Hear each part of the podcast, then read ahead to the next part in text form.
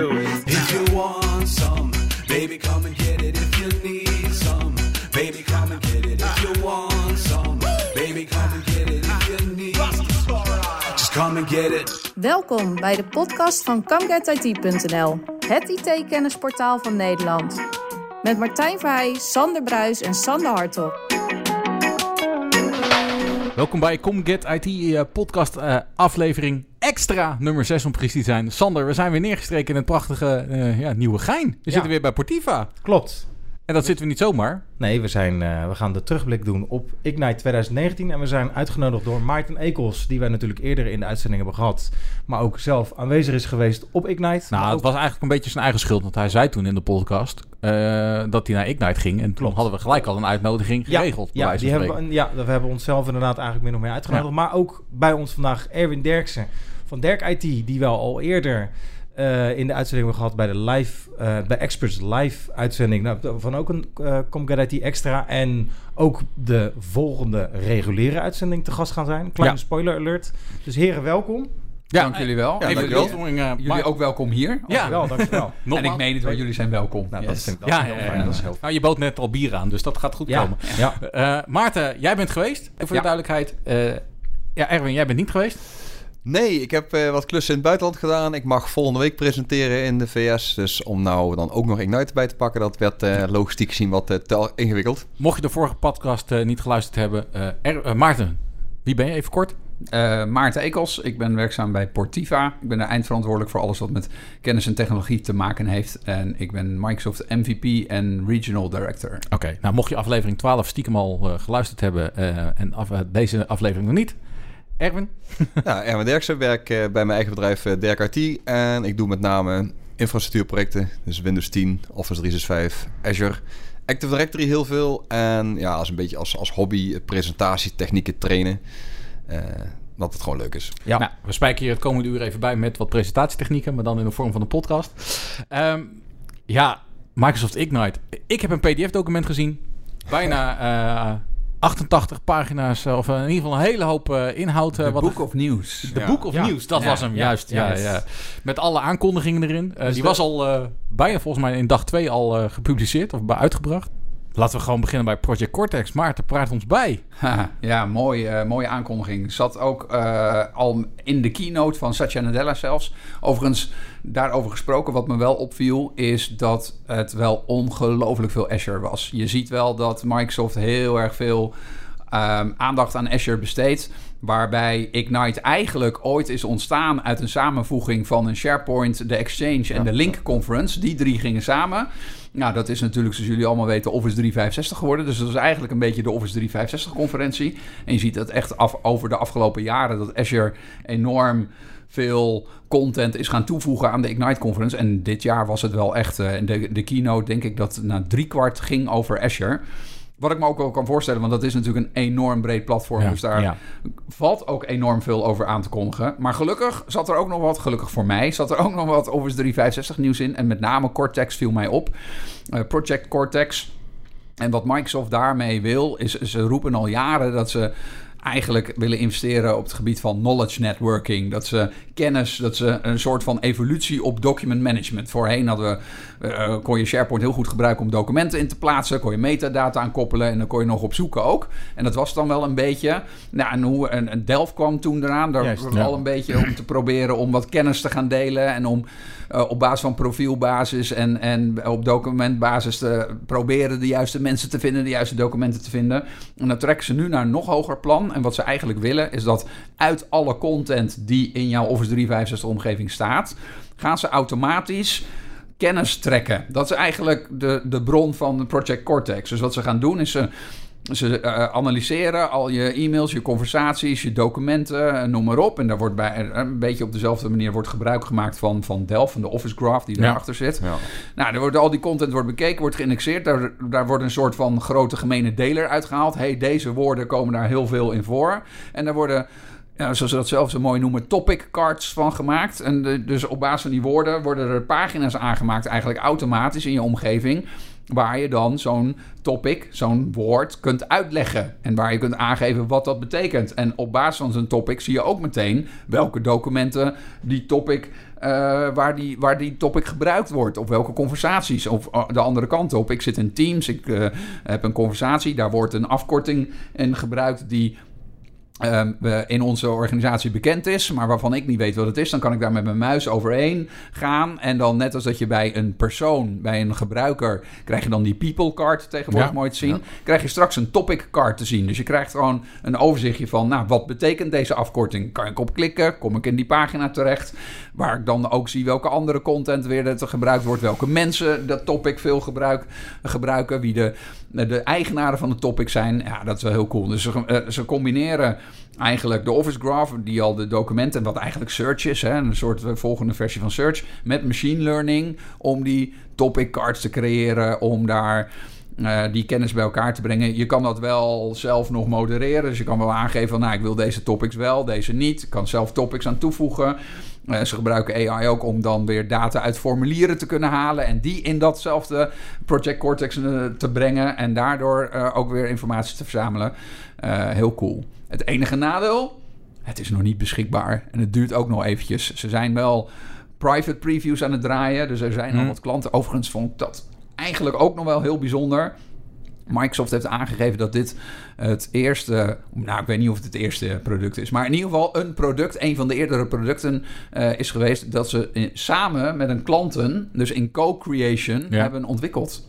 In plaats van dat Microsoft zelf iets bedenkt en zelf iets gaat bouwen en dan achteraf gaat kijken of dat een bevalt en zo niet gewoon weer terugtrekt. hè, Want dat gebeurt ook nog wel eens. Ja. Dat gewoon een product Ja, ja, ja. eh, compleet dat zouden verdwijnt. ze nooit doen. Nee, nee, ja, precies. Eh, hebben ze nu echt samen met klanten ontwikkeld. En eh, nou ja, de bedoeling is dat het ergens eind Q1 eh, een keertje in eh, public preview komt. En dan ergens in Q2 misschien een keertje general available. Maar wat mij betreft echt gaaf. Maar is het een opvolger van Delft? Eh, ik denk meer een soort evolutie van Delft. En Delft is een- eigenlijk al een beetje... ehm de Delft zoals dat ooit Delft was, bestaat al niet heel erg meer. Nee. Het is meer, eh, je hebt nu je Delft profile. Nou, ik denk dat dat wel gaat blijven, die profielpagina, waar je je documenten ook nog steeds kunt zien, of waar je ook nog steeds kunt zien aan welke documenten je collega's werken. Maar ze hebben al bijvoorbeeld een heel stuk analytics eruit gehaald, en dat is al My Analytics eh, geworden. Ehm, ja, dus ik denk dat je Delft profiel blijft wel bestaan, maar dit wordt echt gewoon de evolutie daarvan. Nou, je noemde dat het in eh, coöperatie met eh, bedrijven gedaan is. Is dat dan ook een, een teken dat de, het belang en nog dat het belang van big data nog beter door aan het dringen is? Zeker bij grote bedrijven waar het een onmogelijkheid is, bij wijze van spreken, om eh, nou ja, inderdaad documenten of, of, of op, eh, op een goede manier door die big data of de data die je hebt heen te, te, te kammen. Ja, kijk, we hebben natuurlijk altijd geprobeerd om zoveel mogelijk data te structureren. Want als je gestructureerde data hebt, dan kun je het gemakkelijk terugvinden. Ja. Alleen heel veel wat, wat wij doen, wat, eh, wat met een mooi woord de information workers, wat je, het kantoorpersoneel doet, is feitelijk ongestructureerde data. Ja, en hoe ga je dat nou dan toch terug kunnen vinden? Dat, dat blijft lastig. En ik denk wel dat machine learning daar een, eh, een aardige toevoeging op kan zijn. Ja. Ik ben alleen extreem benieuwd hoe goed dat gaat werken als we een klein beetje de search, nou ja, niet zozeer het zoeken, maar vooral het vinden Ja. binnen Microsoft. eh, als we die reputatie een beetje in oogschouw nemen, vraag ik me wel af hoe goed dat gaat werken. Maar goed, dat zullen we dan zien. Eh, en wat ik mij ook wel afvraag is, wie heeft er behoefte aan? Als ik een beetje bij onze klanten peil en denk van ja, er gebeuren allerlei dingen automatisch, steeds meer. Ik merk daar toch ook wel een gezonde weerstand tegen. Zeg van ja, weet je, is dat wel oké als dat dan gebeurt? En, en, want het veronderstelt natuurlijk dat de rechtenstructuur, klassificatie, dat soort zaken, dat dat natuurlijk perfect op orde is. Ja, maar die rechtenstructuur heb je natuurlijk met Delphi ook al last van. Overigens is dat ook meteen de reden waarom sommige organisaties Delphi uitschakelen. Of in ieder geval de Ja. Office Graph Ja. Precies. Nou ja, ik- Dus dat is ook zo. Dat- daar, daar, ben ik ook wel, eh, eh, daar ben ik ook wel van overtuigd. Ehm, ik denk dat niet iedereen hier behoefte aan heeft. Ik denk uiteindelijk trouwens wel dat ieder bedrijf hier behoefte aan heeft. Iedere organisatie. Maar de vraag is of iedere organisatie er al klaar voor is. Om dit dan eh, daadwerkelijk ook te willen. Want je hebt dan wel een soort vertrouwen nodig. Je inderdaad die rechtenstructuur moet kloppen. Ja. Daarnaast, Microsoft heeft ook al aangegeven... dit gaat, wat ze dan zo, zelf zo mooi noemen... een premium feature worden. Dus dit gaat ook gewoon knaken kosten. Ja. Ja, precies. wil je de het mooie- gaat niet in E3 eh, terechtkomen. Nee, nee, Dit gaat gewoon weer een aparte licentie worden. Nee, maar ik denk ook dat het bij een gemiddelde MKB misschien minder... dat ze het wel nodig kunnen hebben... maar dat het wellicht minder gevraagd wordt... of minder het belang van wordt gezien... dan bij een, nou ja, een Coca-Cola van deze wereld, Ja. bij wijze van spreken. Ja, Ja. Ja, waar mensen elkaar veel minder goed weten te vinden. Precies. En waar over heel de wereld misschien juist wel sa- meer samengewerkt zou moeten worden. Ja, ja. ja. Ja, want het idee daarachter is natuurlijk op zich prima. Als je Zeker. daadwerkelijk zinvolle kennis zou kunnen combineren Ja. eh, en goed zou kunnen aanbieden. Alleen ja, wat ik toch wel vaak zie met AI is dat het toch nog wel een beetje houterig is. Want uiteindelijk is het natuurlijk gewoon een computer. Ja. En een computer die kan nooit de emotie of de, de, de bedoeling van een document achterhalen. Dus die baseert zich puur op wat hij vindt. Ja, Ja, de vraag wordt hoe relevant lastige, denk ik, de, ja. eh, de output wordt. Ja, nou, ben Maar ik- goed, we zullen dat zien. En als het een losse dienst is, kunnen bedrijven het ook uitschakelen. En ik moet eerlijk zeggen, ik ken in Nederland ook niet heel veel bedrijven die voor Delft gebruiken. Terwijl het op zich het idee achter Delft nog niet zo verkeerd is. Nou, maar dat is het. Het is een heel goed idee. En ik heb er zelf, eigenlijk, hou me te goede, ik ben maar, eh, ik ben, eh, wie ben ik voor de rest wat dat betreft? Eh, ik heb me er inderdaad echt wel geprobeerd mee eh, te verrijken. En dat, dat, dat lukte me eigenlijk gewoon niet. En dan heb ik het echt over binnen mijn kleine organisatie, waar nou, relatief weinig mensen werkzaam zijn. Kon ik niet hetgene wat ik wilde, kon ik, kon ik achterhalen. En dat kan echt aan mij liggen. Maar dat is inderdaad het eerste wat me opkomt. Ik vind het prachtig. En eh, dat is misschien ook gelijk het brugje naar AI. Dat die rol natuurlijk steeds groter wordt. Eh, maar dat Delft dat nog niet kon bieden. Dus misschien dat een Project Cortex dat, dat uiteindelijk wel kan. Maar dat, nou, ik noemde het al het bruggetje naar AI. Ehm, de vlucht die het nu gaat nemen. En wat het is nu, nu, alleen maar Project Cortex. We hebben het over Sentinel en, en andere zaken die binnen Microsoft ontwikkeld worden. Ehm, hoe sterk kwam dat naar voren bij, eh, bij Ignite? Heel sterk. Ik denk sowieso dat AI, eh, dat Microsoft dat heel belangrijk vindt. Dat ze daar eh, eh, flink op aan het inzetten zijn. In de breedste zin van het woord. Ehm, ik heb zelf ben ik niet zo heel veel naar AI-sessies geweest. Ik weet wel dat ze er heel veel waren. Maar wat ik wel weer heel krachtig vind, is bijvoorbeeld de, de Form Recognizer. Die ze, daar heb ik er dan wel weer wat van gezien, die ze noemde. Dat is een, eigenlijk een, een stukje technologie binnen de AI-stack van, van Microsoft in Azure, waarmee je formulieren kunt herkennen. Ja. En een formulier in de breedste zin van het woord. Dus Ja. denk aan een, eh, een eh, factuur, maar het kan ook zijn eh, een onkostendeclaratie of het kan zelfs een Word-documentje zijn. En je kunt dat ding trainen door er eh, heel veel facturen in te stoppen. En dan op een gegeven moment herkent hij dat. En dan ziet hij gewoon wie de afzender is, welke bedragen erop staan, wat het factuurnummer is en noem maar op. Ja, en dit, dat kun je dan, dat spuugt hij uit in JSON-formaat. En dat kun je dan ergens in een. In je eigen systeem, in je boekhoudingspakket of wherever kun je dat eh, terecht laten komen. Nou, dat soort concrete voorbeelden vind ik wel heel cool. Ja, maar goed, dat is natuurlijk. Ik vind het wel grappig hoe Microsoft dat dan brengt alsof dat iets heel nieuws is. Maar mijn boekhoudpakket kan dat bijvoorbeeld al jaren. Ja, ik zou zeggen, en eh, ik ken er ook eentje Het wordt met heel veel bombarie gepresenteerd. En dat, dat vind ik ook wel met bijvoorbeeld zo'n Delft. En er zijn wel meer voorbeelden geweest. Heel veel bombarie wordt het aangekondigd. The next big thing. En alle klanten willen het. En we listen to our customers. Bla bla bla. Ja. En vervolgens wordt daar gewoon weer de nek omgedraaid. Of de stekker uitgetrokken. Of wat dan ook. En ja, op een of andere manier heb ik hier ook een beetje het gevoel bij. Van, joh, het wordt heel groots allemaal neergezet. Dat op zich niks nieuws is. Er zijn al genoeg bedrijven die dat waarschijnlijk nog veel beter doen.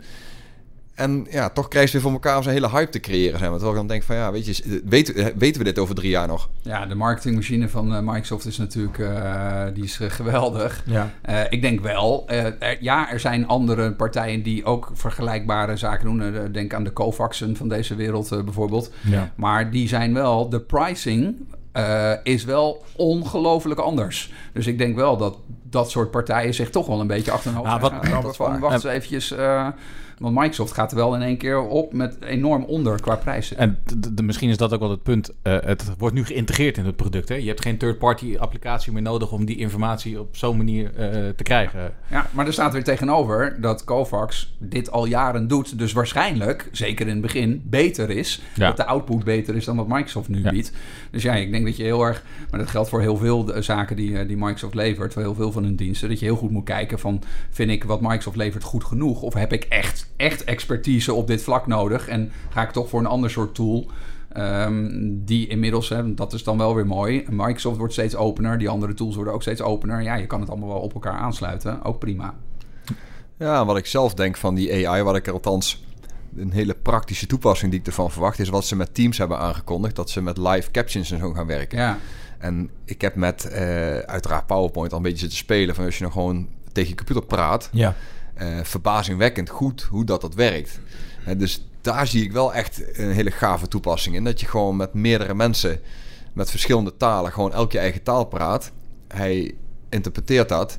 En hij kan het real-time vertalen. Kijk, dat zou natuurlijk echt heel gaaf zijn. Ja. Nederland zit er nog niet bij, hè? Nee, Nederland Nee, zit er nee, nog niet nee, bij. nee. Maar ik heb bijvoorbeeld eh in Stream, dat is Ja. de opvolger van 365 Video... eh, voor de gein eens een keer een, een Engelstalige sessie-aankondiging geüpload bij een klant. Van nou, even kijken wat hij daarmee doet. Nou ja, binnen een minuut heeft hij die volledige video geanalyseerd. En dan krijg je precies al je eigen uitspraken terug, waarbij je op kunt klikken. Nou ja, stel je voor dat je meetings vastlegt op die manier, wat nu ook al kan. Mm. Maar dat dat volledig eh, wordt vertaald en gecaptioned, ondertiteld. En nou ja, dat je op die manier bijvoorbeeld een vergadering kunt terugkijken. Dat gebeurt al, hè? Dat kan Dat al. gebeurt dus al. je kan nu al een meeting opnemen in Teams. En, eh, en die recording wordt dan in stream opgeslagen. Ja. En daar wordt gebruik gemaakt van die transcode optie. Het is alleen jammer dat, is, dat het alleen in, eh, eh, in Engels... En wat was het? Engels, eh, Chinees, eh, Japans en Duits was of zo. En hebben Standaardtalen nu- die ze Ja, eigenlijk... ja. en ze hebben daar nu Chinees. een aantal talen aan toegevoegd. Dus er zijn nu 13 talen. En Nederlands gaat er wel een keer Ja, aankomen. uiteraard. Maar, eh, ja. Maar dit, dit vind ik maar echt dat zijn een- gave toepassingen. Ja, helemaal mee eens. Maarten, wat ik eh, sowieso eh, nieuwsgierig naar ben... We hadden het al even over in onze vorige podcast. Teams. Yes. Gaat die interface nog beter worden op Windows? De interface op Windows, ja. De, bedoel, Volgens mij kunnen we er een boekje zelf- over los doen. maar- Ja, de client zelf eh, blijft natuurlijk lastig. Daar hadden we het net vooraf ook al eventjes over. Ja, dan Ik bedoel je de, allemaal- de, de Windows client, Ja, hè? precies, Ja. de Windows client. Want eh, de, de mobiele client, daar zijn we het ook allemaal wel over eens. Die werkt wel goed. En dat, daar hou ik me dan ook een beetje aan vast. Hè? Want blijkbaar kunnen ze het wel. Dus blijkbaar Ofwel- is... En de infrastructuur, de architectuur en de achterkant... die klopt wel. Als ze daar op mobiele eh, platform wel gewoon een goed performende app van weten. Of wil Microsoft gewoon hebben dat je je mobiel gebruikt... en eh, je Ja. laptop eh, gebruikt voor andere doeleinden? Ja, het is eh, lastig. Het is lastig. Ze hebben sowieso op de desktop te maken met een keuze om voor een Electron-app eh, te kiezen. Dat maakt het lastig. Dat is enorm resource-intensief. Ja. En ja, daar hebben ze wel mee te maken. Ze zijn wel ontzettende veel aan het doen om, om dat toch beter te laten performen. Ik weet niet of jullie eh, eh, de tenant switching wel eens doen. We zijn Ja, allemaal zeker. consultants hier. Dus we Ja, hebben dat allemaal- werkt inmiddels wel Eindelijk. op een acceptabel Ja, level. ja, ja. Mits je geduld hebt, maar Ja. dat geldt voor die hele Ja. app natuurlijk. Dat Ja. is eigenlijk Ja, dat een is van mijn grootste gewoon- ergernissen. Maar goed, dat even ter, terzijde. Ja. Ja, Ik heb wel zo'n zo'n zo'n gedachte van... Er is volgens mij, en ik weet helemaal niet of dat waar is... want ik heb er geen idee van... maar ik heb zo'n idee dat er iemand bij Microsoft ooit gezegd heeft... ik wil nu binnen x tijd gewoon een app hebben voor team... en het kan me niet schelen hoe je het doet. Ja, anders heb ik geen verklaring waar, hoe zoiets op de markt kan komen. Want volgens mij overtreden ze al hun eigen regels als het gaat om fatsoenlijk programmeren. Ja, dat, is, eh, eh, ik denk dat er ook wel wat druk op heeft gezeten. Dat zie je ook aan het feit dat ze eh, nu inderdaad aan het, behoorlijk aan het investeren zijn om die app te verbeteren. Je ziet ook wat ze daar aan het doen zijn. Ze zijn nu eindelijk heel veel effort aan het steken in caching. Maar ook wat ze ook al bijvoorbeeld op Ignite hebben verteld, is dat ze toen ze de app net uitbrachten, is alles gebouwd op Angular. Omdat dat toen binnen Microsoft eh, de JavaScript library was, waar ze de meeste ervaring mee hadden. Dus ze dachten van ja, dan gaan wij ook maar gebruik maken van Angular. Maar Angular blijkt eigenlijk helemaal niet de meest geschikte eh, JavaScript library te zijn om een performant app te maken op dit gebied. Dus zijn ze nu alles aan het vertalen naar React. Nou, dat soort zaken, ja, daar merk je wel een beetje aan dat ze in het begin misschien wat verkeerde keuzes hebben gemaakt. Ja, en er gl- er gloort ook eh, licht aan de horizon. Want ik heb gehoord dat je binnenkort gewoon... eh, ja, het is ongelooflijk, maar dat je dus zeg maar in Teams een tweede window kunt openen. Ja. ja. Ja, want Ja. dat is natuurlijk best wel een beetje jammer dat dat nu niet kan. Ja. Eh, en een volgende suggestie mijnerzijds zou zijn om het pushen van die app enigszins terug te tunen. Ja, want je moet nu echt je best doen om de app niet te krijgen. dat klopt. Ja. Eh, en dat vinden mijn klanten over het algemeen best vervelend. Want die, ja, die hebben dan een omgeving. En dan als je ergens verkeerd klikt, heb je die app.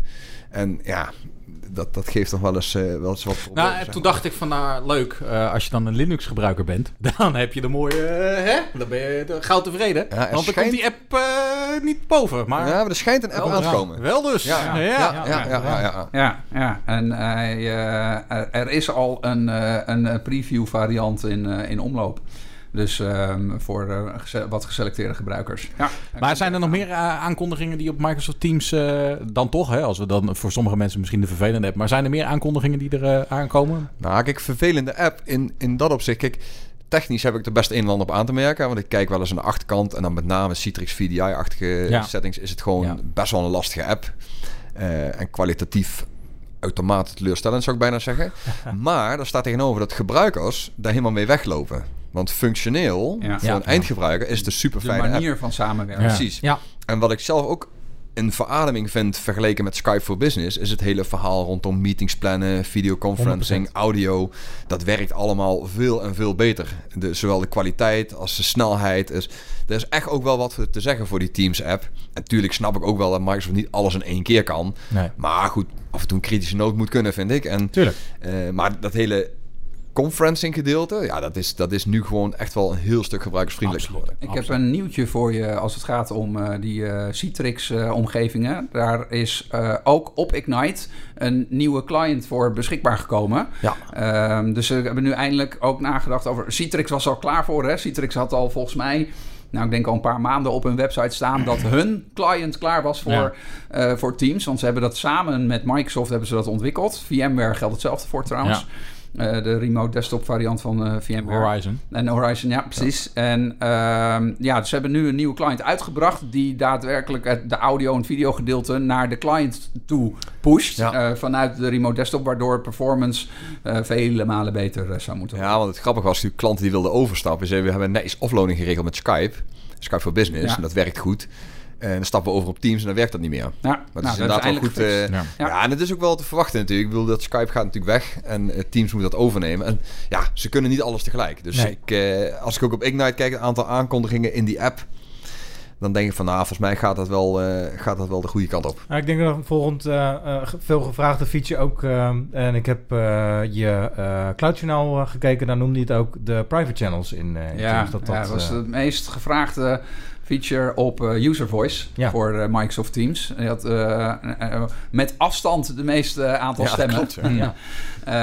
en die is nu eindelijk general available. Ja, Ehm, ik denk heel goed. Het zitten nog wel wat, ehm, wat, wat ruwe kantjes aan. Dus je moet wel goed nadenken hoe je het gebruikt en op welke manier. Op het moment dat je een private channel aanmaakt, wordt aan de achterkant bijvoorbeeld een volledig nieuwe sitecollectie opgespind in, Hmm. eh, in SharePoint. Dus daar moet je wel even rekening mee houden. Die zie je weer niet in het SharePoint Admin Center terug. Dus dan heb je weer PowerShell nodig om dan toch die sitecollecties te kunnen zien bijvoorbeeld. De gebruiker merkt daar weinig van. Ik vind wel dat Microsoft in ieder geval aan de UI en de gebruikerskant wel heeft nagedacht over hoe ze dan met die sitecollecties omgaan. Maar het is wel weer een Ik, ik, zie wel een, eh, ja, ik zie wel een beheersaspect aankomen, ja, zeg ja, maar. precies. Ja. Daar heb je wel mee te maken. Dat je afvraagt van waarom kan het zijn dat, eh, dat ineens mijn tenant eh oversized is? Ja, nou, daar hebben ze ook wel eh, ook over nagedacht. Want het maximum aantal sitecollecties wat je in een tenant kan hebben, dat was ooit, eh, ik geloof, 200.000. En dat hebben ze toen opgezocht naar 500.000. Dat is nu inmiddels een miljoen geworden.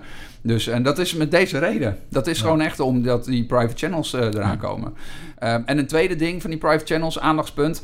Ik denk eh, dat veel, en van mijn klanten in ieder geval, om private channels hebben gevraagd... omdat ze op één kanaal een externe gebruiker willen uitnodigen. Ja. Zonder dat Ja. hij de andere kanalen ziet. Maar het probleem is, dat scenario wordt nog niet ondersteund. Dus iemand moet lid zijn van ook van het bovenliggende team. Ja. En je kunt dan van iedereen die lid is van het bovenliggende team... kun je een subset van die mensen kun je toegang geven tot een private channel. Je kan niet iemand alleen maar toegang geven tot een private channel. Nee, oké. Ja, wat goed wel onthouden was komen uit. Wat wel zo is, is dat natuurlijk wel weer wat lastiger maken om aan klanten uit te leggen. Want ik krijg heel vaak de vraag van, joh, wanneer gebruik ik nou Teams, wanneer SharePoint? Eh, en wat gebeurt nou als ik een team aanmaak wat onder water een SharePoint-site genereert... en ik ga vervolgens op die SharePoint-site weer dingen doen... Ja. dan kun je natuurlijk altijd zeggen van, nou, op SharePoint kun je met rechten alles heel fijnmazig inregelen... en in Teams heeft iedereen in principe eh, dezelfde rechten. Ja. Maar goed, met die private channels wordt dat dus weer eh, anders... Dus er komt nog wel weer een aspectje bij zijn. Want Ja. dat merk ik wel. Dat bedrijven over het algemeen enthousiast zijn over Teams. Maar wel moeite hebben van... oké, wanneer gebruik ik nou SharePoint? Wanneer gebruik ik nou Teams? Nou goed, OneDrive is dan wel, eh, wel duidelijk. Ja, wanneer gebruik ik wat? Dat Ja. is Ja. überhaupt met Office 365 ook een van de meest gestelde vragen die, eh, die ik voorbij zie komen. Ja, maar ook je maakt een groep aan. Nou ja, als je een planning aanmaakt, krijg je een groep. Als je een team aanmaakt, krijg je een groep. Als je een SharePoint site aanmaakt, krijg je een groep. Ik merk wel dat klanten dat aan de achterkant wel lastig vinden. Van ja, oké, dan heb ik een groep. Eh, dat kan allemaal verschillende dingen betekenen. En hoe vind ik dat nou terug? Ja. Dus ik verwacht ook zeg, dat Microsoft daar ook wel wat eh, aan gaat doen. Eh, dat je bijvoorbeeld op een groep klikt en dat je dan overzicht krijgt van wat er allemaal aanhangt, zeg maar. Ja, dat is ook voor nu een partner opportunity, zou ik Ja, zeggen. ja, absoluut. Ik wou, eh, ik wou door naar een andere aankondiging. Azure Arc. Ik hoor nog geen signalen. Nou ja, ik, dan, dan, Ja. dan zal ik hem aftrappen. Ik heb eh, zelf ook even naar zitten kijken. En wat mij bijzonder, wat ik er bijzonder aan waardeerde, is de, de beweging naar een hybride omgeving. Eh, niet in de klassieke zin tussen een on-prem, een, een Azure Stack oplossing bij wijze van spreken en Azure zelf, maar verschillende clouddiensten. Ja, Eh, dat vind ik, nou ja, het, is, het, het sluit zo aan bij de nieuwe wereld, maar ook de nieuwe Microsoft. We inderdaad, hè, we vroeger natuurlijk een gesloten ecosysteem hadden met Microsoft, zo, zo maar te noemen. En tegenwoordig eh, zijn ze vriendjes met iedereen. Dus eh, ja, nou ja, ik zou zeggen brandlos. Ja, nee, eens. Ik denk dat dit ook een van de grotere aankondigingen was eh, op, op Ignite. En met Azure kun je eigenlijk gewoon ook je infrastructuur in andere nou, eh, clouddiensten, AWS, eh, wordt, eh, gaan ze ondersteunen. Google Cloud hebben ze van gezegd dat ze dat willen gaan ondersteunen. Dat zit er nu nog niet in, je kunt al met Arc aan de slag. Hè? Er, er draait al in preview.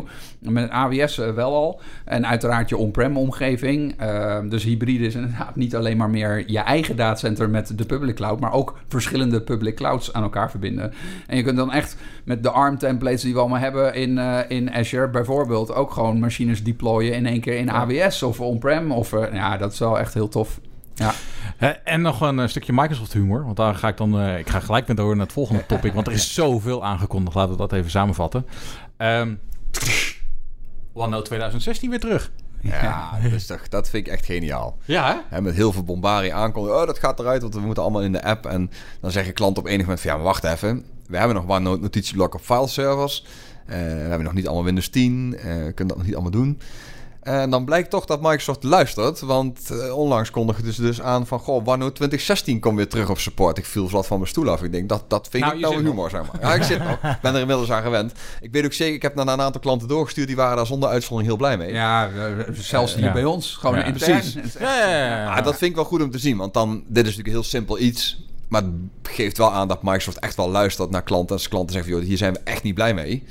Eh, dat ze dan ook bereid zijn om dat terug te draaien. En zeggen, joh, we komt gewoon weer terug. Vanaf maart 2020 zit hij weer standaard in de Office installatie.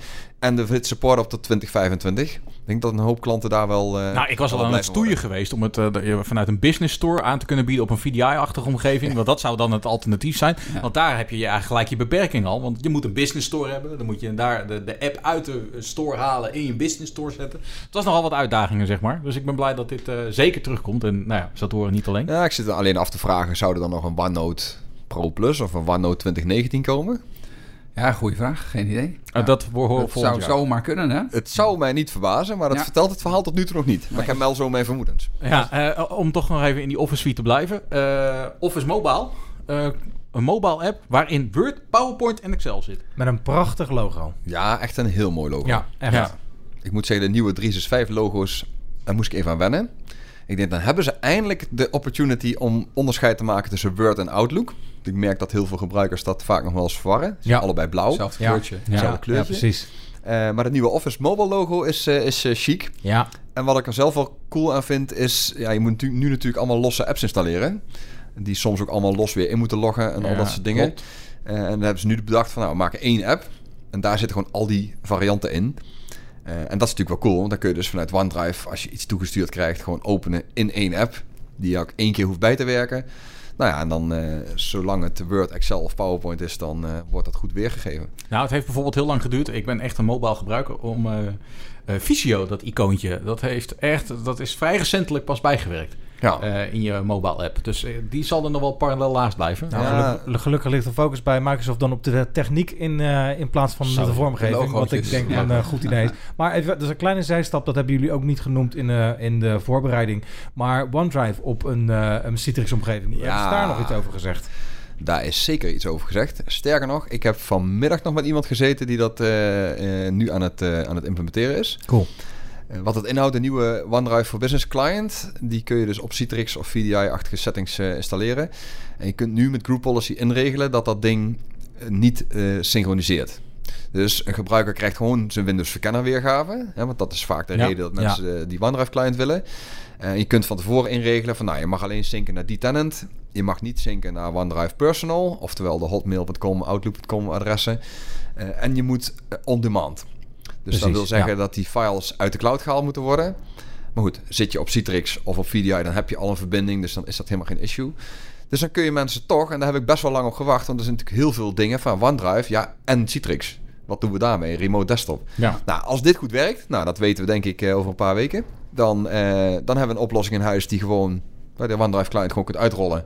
Je zegt je werkt alleen online, maar je kunt wel gewoon Windows Verkenner gebruiken om je bestanden te benaderen. Ik denk dat heel veel bedrijven en organisaties hier erg blij van worden. Ja, en, zeker, en ja. ik denk natuurlijk ook een eigen VDI-platform van Microsoft. Want ik denk dat daar ook de uitdaging zat. Het zou zomaar kunnen dat dat er iets mee te maken heeft. Ja, ik sluit, het, ik sluit het niet uit. Ik sluit ze weten natuurlijk zelf ook wel, net als die Teams-app.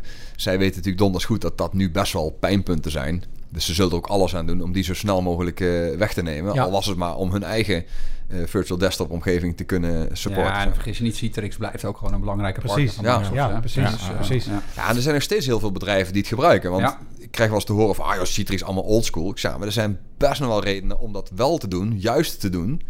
eh, in het kader van beveiliging, data binnen huishouden. Dus ik denk dat het heel goed nieuws is dat Microsoft dit nu eindelijk voor elkaar heeft. Want hij is al eerder geweest. Alleen toen werkte hij niet helemaal lekker. Is hij weer Ja. teruggehaald. En nu is hij dan weer heruitgebracht. Eh, en laten we hopen dat het nu goed is. Ja, Zo is het. Ehm, ik las ook nog het een en ander. eh, ook in de voorbereiding hebben jullie dat kenbaar gemaakt. Azure Password Protection of Azure Identity Protection. Eh, dus ben ik meer een beetje in jouw straatje, Erwin. Heb je daar wat over gevolgd? Of? Nou, deels. Ik heb eh, in ieder geval meegekregen dat de MFA eh, gratis wordt. Ja. Dus dat is denk ik een goede aankondiging. Ja, ja ze moet ook wel, hè. Microsoft is zo op security aan het pushen Ja. en zij krijgen zo bizar veel hackpogingen om Ja. te kiezen. Dat dat de reden is ge- geweest om eh, Azure MFA eh, gratis te gaan aanbieden. Maar let op, eh, de conditional access rules is nog steeds P1, hè? Precies, dat is nog Dus, steeds ja, P1. ja, Ja. ja, ja. Wat Microsoft dan wel weer doet, en dat zie ik nu ook veel, steeds vaker, is de, de Microsoft 365 licentie. Ja. Eh, die is niet zo gek veel duurder als de Office 365 variant. En daar zit Ja. dan Windows en Azure AD Premium en EMS zit daarbij in. Maar ik denk MFA, ja goed, daar hoeven we het eigenlijk niet meer over te hebben. Dat moet eigenlijk gewoon verplicht zijn. Helemaal eens. En Ja. ik geloof in nieuwe tenants dat het ook zo is dat de default policy ook verplicht om voor admin accounts dat gewoon te doen. Eh, want ja, eigenlijk kun je dat niet meer maken om het niet te doen. Microsoft had een eh, statistiekje eh, tijdens een van de keynotes. Ik weet niet meer welke keynote, maar ik heb dat eh, statistiekje gezien.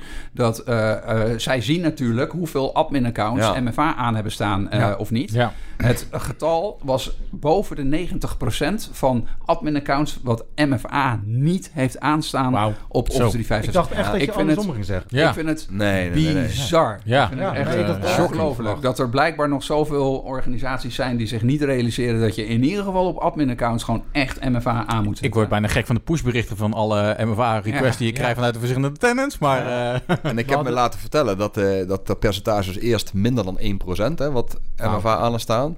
Dan hebben ze inmiddels dat percentage een beetje opgekrankt naar 3, 4, 5 procent. Nou heb ik me laten vertellen dat, dat dat percentage nu hoger is, omdat ze ook andere adminrollen hebben meegeteld in die Oh, berekening. ja, ja. aha. Dus dat het daadwerkelijk aantal admins wat in de global admins groep zit, dat MFA heeft, dat dat, dat, dat nog steeds heel erg laag is. Ja. En eigenlijk snap ik het niet. Want ja, zo moeilijk is het niet. Het kost niks, je zet het aan. Eens? Eh, maar aan de andere kant, ik kwam laatst ergens en daar zaten dan zes global admins. Nou, op zich al veel. Eh, maar die werkten allemaal met één account. En die vroegen zich af van ja, maar als ik nou MFA aanzet, op wiens telefoon moeten we dat dan doen? Ja, En toen dacht ik bij mezelf, Ik doe net gaat alsof ik iets- dit niet gehoord heb. Precies, hier gaat Nee. iets niet helemaal goed. Maar die zegt van ja, want als ik dan iets wil doen en die telefoon ligt bij een collega van mij, dan moet ik zien dat hij op de knop gaat drukken. Ik denk, dat is volgens mij niet helemaal de essentie Nee, van ik heb wel eens ooit eens gehoord bij een klant dat een accountant had geroepen dat niet meer dan zeven eh admin paswoord of eh, zeven domain admins eh, mochten zijn. Zou het daar misschien vandaan komen, die hoedanigheid? Ja, ik vond het ook een het bizarre verstrekking, want ja. Ik vind het opvallend als je een bedrijf hebt met vier IT'ers en dan kijk je in global adminsgroep staan er 15 in, weet je. Dat, denk, Ja. ik- dat vind ik Ja. toch altijd Ja, eh, ja, ja. bijzonder. En, Van acht service accounts. Dus we hebben je niet zo gek aan veel, een persoon, weet je. Precies, we hebben niet zo gek veel geleerd van Active Directory, want daar zie je ook heel veel domein admins. Dat ik Ja. denk van, Ja. waarom? Zeker. Eh, ja, en daar moet je dan vragen over Ja. stellen en dat aantal terug. Ik kwam laatst nog een domeincontroller tegen met Chrome erop. Dat eh, vond ik ook een goeie.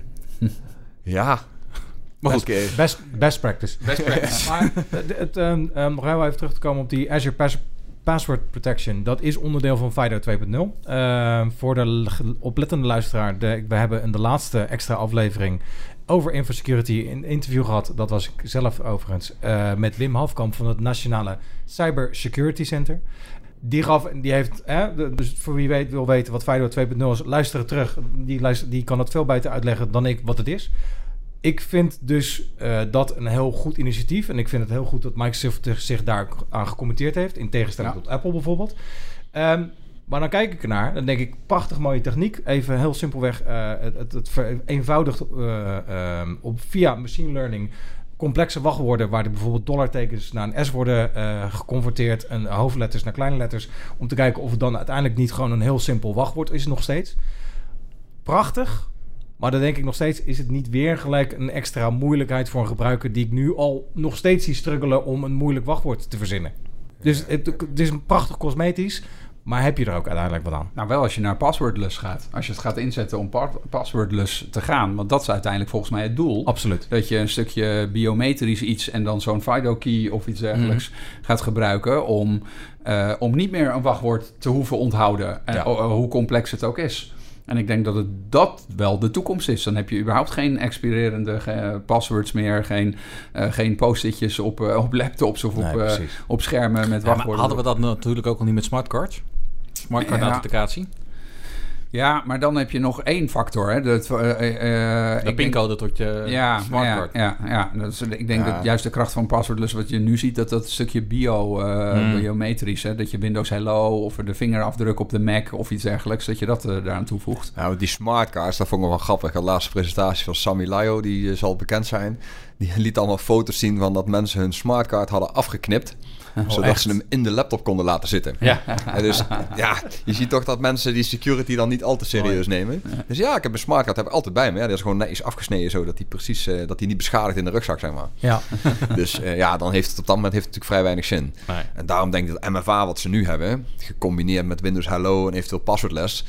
Ja, daar, MFA is eigenlijk de meest gebruiksvriendelijke methode om je beveiliging drastisch te verhogen. Ja, 100%. Nee, eens. En je kunt het ook, want dan zeggen toch organisaties, ja, maar dat is zo lastig voor mijn gebruikers. En dan moeten ze die app op mijn telefoon. En, maar je kan er ook wat voor teruggeven. Je kan ook zeggen, ja, maar als je MFA eh, gaat gebruiken, dan hoef je bijvoorbeeld password expiration niet meer aan te zetten. Exact, Dan ja. kun je, dus dan hoeven die gebruikers ook die wachtwoorden niet meer iedere maand eh, of iedere twee maanden te wisselen. Ja, en dus we wat krijgen er ook wat voor terug. Zeker, maar eh nou ben ik een Apple Watch gebruiker. Ik vind het ideaal, want eh MFA is een van de enige apps die echt het je notificatie doorstuurt naar je Apple Watch om te uh, approven. Ik ben het helemaal met je eens. Ik heb ook die Apple Watch. Ik Ja. vind het fantastisch. Ja. Nou, maar ik noemde in die, eh, de, de, de uitzending van Infosecurity, dus in dat interview ook dat de mobiele telefoon natuurlijk tegenwoordig een perfecte tool is om dat, om die, die, nou ja, die, die, ehm, om die, die token altijd bij je te hebben, waar dus vroeger Ja. inderdaad nog een extra smartcard Ja, of absoluut. en bellen. Kijk, fysieke tokens die zijn van het werk, die raken mensen kwijt. Hè? Die ervaring Ja. eh, heb ik. Ik denk dat ik er zelf ook een stuk of zes in de kast heb liggen van allerlei klanten die daar nooit meer om gevraagd hebben. Kijk, en een telefoon, op het moment dat je die afneemt, of mensen die vergeten, dan zitten die binnen 10 minuten in de stress. Ja, Ja. Kijk, op scholen kun je als je leerlingen straf wil geven, kun je zeggen, joh, je hakt of een ledemaat af of je neemt de telefoon in. bijna hetzelfde. En dan zijn er een aantal die zonder ledematen Ja, rondlopen. dus weet je, dat is, eh, ja, dat is zo'n persoonlijk device geworden, die vergeet je niet. Nee, maar dat, dat, dat is het. En dat is dus inderdaad misschien niet bedoeld. Want het is natuurlijk nog steeds een controversieel apparaat. Maar wel een hele mooie bijkomstigheid in dit verhaal in ieder geval. Nou, ik moet ook zeggen dat bij bijna alle klanten het ook wel landt. Dat we binnen 365 altijd zeggen van... joh, je krijgt 365, je mag Office thuis installeren... je kunt overal bij je documenten, maar... we verwachten wel dat je de Authenticator app installeert. Ja. Eh, en dan heb je natuurlijk altijd de categorie die zegt van... ja, maar ik ga niet voor mijn werk iets op mijn privételefoon installeren. Ja. Als ze geen telefoon van het werk krijgen. Dan zeg ik van prima, dan doen we sms... Ja. Ja, want het werkt op een oldschool Nokia. En als sms niet werkt, dan kun je gebeld worden door Ja. een vriendelijke dame van Microsoft die op de hektisch toets drukt. En dan kun je op die manier ook inloggen. En als dat mensen dat niet willen, want ook die gevallen hebben we dan, want dan krijgen ze een telefoontje binnen op hun privételefoon. Dat is voor sommige mensen is dat een ding. Eh, nou, prima. Dan kom je lekker naar kantoor. Ja, en wat ik ook al als klacht Ja. hoor van... als je sms of eh, bellen hebt geauto, eh, dat je te veel van de zendmast af zit... dat het te lang duurt dat de authenticatie binnenkomt. Ja, sms heeft af en toe wel wat, eh, eh, dat het net iets te lang duurt. Ja, Het bellen gaat over het algemeen, ja mijn ik stond ervaring echt wel. letterlijk een, een, een paar weken geleden bij een klant... die stond echt letterlijk zo met zijn telefoon te zwaaien door het pand Voor de heen. luisteraar, Martijn is op dit moment met zijn telefoon in de lucht aan het zwaaien. Ja, eh, aan het zwaaien om eh, zijn sms binnen te krijgen. Ja, goed, als jij sms Ik weet verplicht niet of dat gaat dan, eh, helpen. Nee, maar er stond er wel weer de knop van try again, try again in je scherm. dat is dan weer een voordeel van die app. Kijk, als je geen Ja. verbinding hebt, kun je nog steeds het one-time password wat op dat moment in beeld staat. Ja. Dus de cijfers. Precies, precies. precies, ja. Ja. Sterker nog, er zijn al high-secure bedrijven die zeggen... we doen per definitie die cijfers intoetsen. Want anders zou het kunnen dat iemand anders namens jou op oké drukt. ja, ja, Terwijl als je ja, de ja. cijfers intoetst... dan moet je natuurlijk fysiek met je toestel en het apparaat waarop je inlogt moet bij elkaar zijn. Ja. Vond ik wel een goede, grappige gedachte. Ja. Ik, ik denk dat we er lang en breed door over kunnen praten. Ehm Zoals gewoonlijk dwalen we weer lekker af. maar zwalen we, dwalen we weer lekker af. Heerlijk. Ehm, Moeten we nog over Windows 10 1909 hebben? Want die is deze week 12 november vrijgegeven. nou, Als het een Ignite onderwerp was, eh ik Ja. zeker. eh, ik weet niet of er op Ignite heel veel over gezegd is. eigenlijk. Ik zag er in het Ik Book heb of er niet News... over eh, gehoord. Nee. Nee, in het Book of News kwam Windows 10 überhaupt niet voor volgens mij. Of in ieder geval heel minimaal. Nee, een heel klein beetje wel de wat eh, Microsoft Defender eh, zaken. Dat ja, soort, de, ATP en Defender. En, ja, ja, ik vond de, wel sterk de, dat het nu oh, dat je op de Mac, op de Mac was het alleen maar antivirus. Daar kan je nu ook gewoon die eh, eh, emergency response eh, kun je daarop doen. Dus je kan echt een Windows Defender. Terwijl, dat, terwijl dat in Amsterdam al was aangekondigd. Ja, ja, het is nu eindelijk eh, werkt het ook. Ja. ja. Maar Ja. Windows 10 zelf, nee, eh, niks. eh, Nee, Maar jou is wat opgevallen. Nou ja, we- de- to- dingen die er op zich al, eh, al in zitten. Maar wat ik bijvoorbeeld wel grappig vind, is zo'n feature als Controlled Folder Access. Mhm. Die je toch je lokale bestanden kan beschermen tegen malware. Nou, dat zit erin sinds 1809 uit mijn hoofd. Of 1903 misschien zelfs. Ehm, maar ja, dat is een feature die volgens mij nog niet heel veel bedrijven kennen. Waarvan ik denk, het zit er gewoon standaard in. En daarmee verhoog je best wel de beveiliging van je, je documentmappen. Eh, wat ik ook bijvoorbeeld wel aardig vind, is eh Known Folder Move. Ja? Hè, dus Ja. dat je standaard ja, mappen gaaf, per direct naar OneDrive eh, Ja. eh, redirect. Nou, dat heb ik denk ik een jaar geleden voor het eerst geïmplementeerd. Werkt echt fantastisch. Gebruiker krijgt gewoon netjes een melding van... joh, je IT-afdeling heeft ervoor gezorgd dat al je bestanden automatisch naar OneDrive gaan. mooi. Werkt eigenlijk, eh, ja, dat wordt nu wereldwijd uitgerold. Dat werkt echt eh, fantastisch. Eh, en wat ik ook wel geinig vind, is onlangs in OneDrive dat ze die Personal Vault hebben aangekondigd. Ja. Ja. Dus dat je gewoon, nou, OneDrive staat best wel open. Mensen, je kunt best wel veel dingen delen. Maar misschien een paspoort of iets wat je daarin opslaat wat echt privé is, dat je daar een, eh, een personal vault voor aanmaakt. Eh, en dat betekent dus, dat is eigenlijk een mapje. En alles wat in dat mapje staat, kun je alleen maar benaderen door op dat moment nog even extra in te loggen met een extra factor. Eh, dus bijvoorbeeld waar je, je ja, gevoelige informatie in staat, eh, kun je dan op die manier benaderen. Want ja, zo'n webbrowser staat gewoon open, kunnen mensen op zich bij. Maar die personal vault, daar moet je dan echt nog expliciet voor inloggen. Dus dat zijn ook wel grappige dingen. En met name controlled folder access, die is relatief nieuw. Ja. Ik denk dat dat wel eh Ja, dat van toegevoegde waarde is. Maar voordat we het vergeten, want Maarten, je hebt zelf ook gepresenteerd op, eh, op Ignite, zover ik weet. Yes. Kan je vertellen wat je, waar je sessie over gegaan is en nou ja, hoe je het zelf hebt ervaren? Ja, eh, was, eh, was leuk. Eh, een heel klein beetje spannend misschien ook nog wel. Eerste keer dat ik op Ignite mocht, mocht presenteren. Ehm, ik heb een sessie gehouden over adoptie van Microsoft Teams. En wat ik daar heb verteld is over tien tips die ik uiteindelijk heb gegeven over hoe je het beste met Teams om kan gaan. Om ervoor te zorgen dat je niet overweldigd raakt door eh, het gebruik van Teams. Want dat hebben toch veel mensen. eh, dat, dat is wel iets wat wij veel horen. Ja. Hè, dan heb ik weer een tool erbij, weer eh Hmm. een notificatiecentrum, weer al die, al die pop-ups en, en e-mailtjes die ik allemaal krijg. Nou, hoe ga je daar nou mee om? Daar heb ik een sessie over gegeven. Was erg leuk. Ehm, behoorlijk wat belangstelling ook voor de, voor de sessie. En, eh, en veel goede positieve reacties ook eh, na afloop. Ik heb daarnaast ook nog veel geblogd over eh, Teams-sessies die gegeven werden door de Product Group. Ze hadden aan mij gevraagd of ik over een aantal sessies wilde bloggen. Ja. En die staan dan op de Tech Community site, waaronder eentje over architectuur. Ehm, dat is denk ik wel, als je geïnteresseerd bent in de architectuur achter Teams, dan is dat wel een aardige om, eh, om eens eh, terug te lezen. En daar staat overigens ook, daar staan ook de linkjes in naar die VDI-versie van Teams, mocht je Ah. geïnteresseerd zijn in die eh, En eh, zoals ik net al noemde, ook jouw Cloud-journaal eh, opgenomen. Yes, opgenomen. ja, ja eh, voor het eerst, nou niet helemaal, voor het eerst vorig jaar op Ignite had ik hem ook opgenomen. Was die ook al in het Engels. En normaal doe ik die altijd in het Nederlands. Deze keer weer in het Engels. Want ik had eh, Benjamin Nyelin en Jussi Roine, twee, twee andere MVP's en een collega regional directors, die had ik te gast. Amerikaan en een Fin? Een Amerikaan en een Fin. Nee, sorry, nee, hoe was Benjamin? Dit Oh. hoort een Canadees en een Oh, Fin. ja, dat is heel belangrijk ja, inderdaad. Ja, ja. precies. Yes. De podcast gaat door de audiodescriber heen. Oké. ehm, ja, zoveel onder- onderwerpen en aankondigingen. We moeten het eh, toch proberen een beetje in de tijd te houden. Dus ik ga er nog even eh, vluchtig en snel doorheen door te zeggen van... Maarten, zijn er nog opvallende dingen die jou eh, zijn tegengekomen? Of die jij bent tegengekomen die je inderdaad nog specifiek wilde vermelden? Nou, ik denk, we hebben het al even over search gehad. En misschien wel de, on, de mogelijkheden en onmogelijkheden. Daar hebben ze wel veel voor aangekondigd. Het feit dat video's eindelijk eh, doorzoekbaar gaan worden. Dus alles wat in stream staat, dat je dat ook kan terugvinden en het zoeken. Eh, ook conversaties, dus wat er in Teams en in Yammer wordt geplaatst, dat dat in de search terug gaat komen. We gaan eindelijk de search result pagina weer kunnen aanpassen. Wat in de moderne omgeving van SharePoint niet kon. Eh, en er gaan content connectors komen. Dus wat in SharePoint on-prem al kon, door andere systemen ook indexeren, dat gaat nu in de cloud ook komen. Dus je kunt ze dadelijk gewoon eh, Workday of, of de allerlei andere cloud producten, die kun je connecten aan de Office 365 search. En dus ook vanuit één search engine doorzoeken. Dat vond ik nog wel een hele krachtige. Gaaf. Inter- integratie met Bing, heb ik je ook horen zeggen. Ja, dat is nu al. Dus je kunt, eh, als je nu naar Bing Enterprise gaat, die, die kun je aanzetten in je Office 365 Admin Center, je Microsoft Admin Center moet ik tegenwoordig zeggen. Daar kun je eh, Bing, al, Bing Enterprise aanzetten. Dan ga je naar bing.com, kun je daar inloggen met je Office 365 account, met je Azure AD account. En dan kun je daar zoeken en dan zoek je het internet en je Office 365 omgeving. En het grappige is, daar zie je al Yammer en Teams conversaties ook terugkomen. Dus je ziet daar eigenlijk, je krijgt daar al een beetje een voorproefje van wat Microsoft zo dadelijk ook gewoon naar Office 365 Search toe gaat brengen. Want in Amerika is Bing best groot, Ja. hè? bijna net Ja, zo groot absoluut. als, eh, bijna Ja. net zo groot als Ja. Google. Het is ongeveer bijna 50-50. Maar in Europa, niemand gebruikt Bing hier. We Dus moeten hier predikanten hebben om Bing te promoten. Dat, Ja, nou, Ja. het lijkt me een hele leuke podcast aflevering, eh, wat mij betreft inderdaad. Nou, wie weet eh, wat... de zin eh, en onzin van Bing. Hmm. En eh, ehm, eh, de- of Erwin, wat had jij nog eh, opgevallen? of Wat ben jij nog opgevallen daarin eh, vanuit eh, ja, Ignite?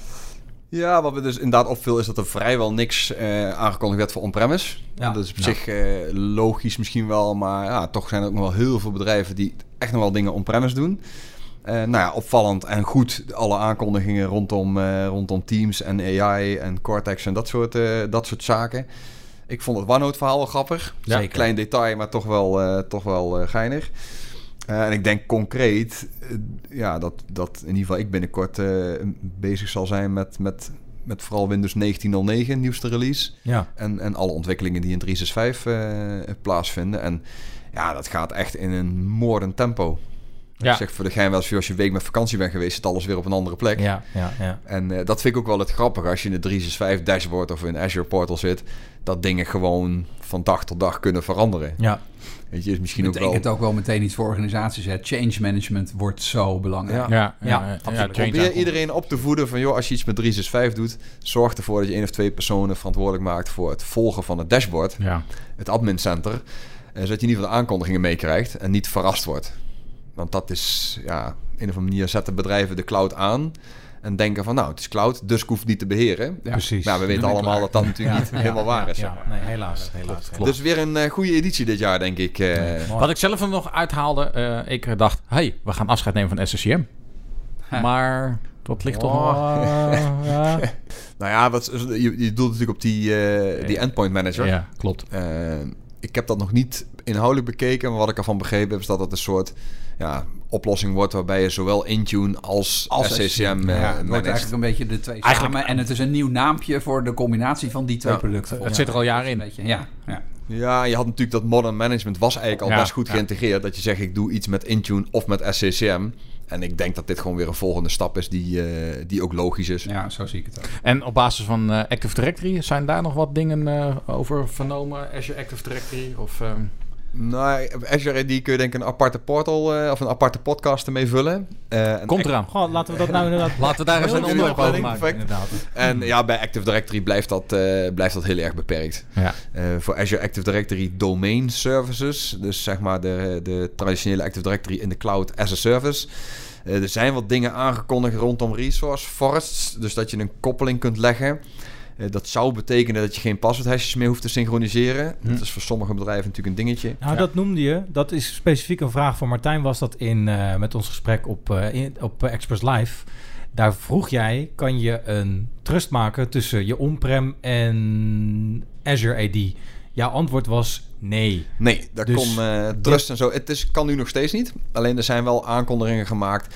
Eh, ja, bijvoorbeeld dat je Active Directory wat rechtstreeks kunt koppelen.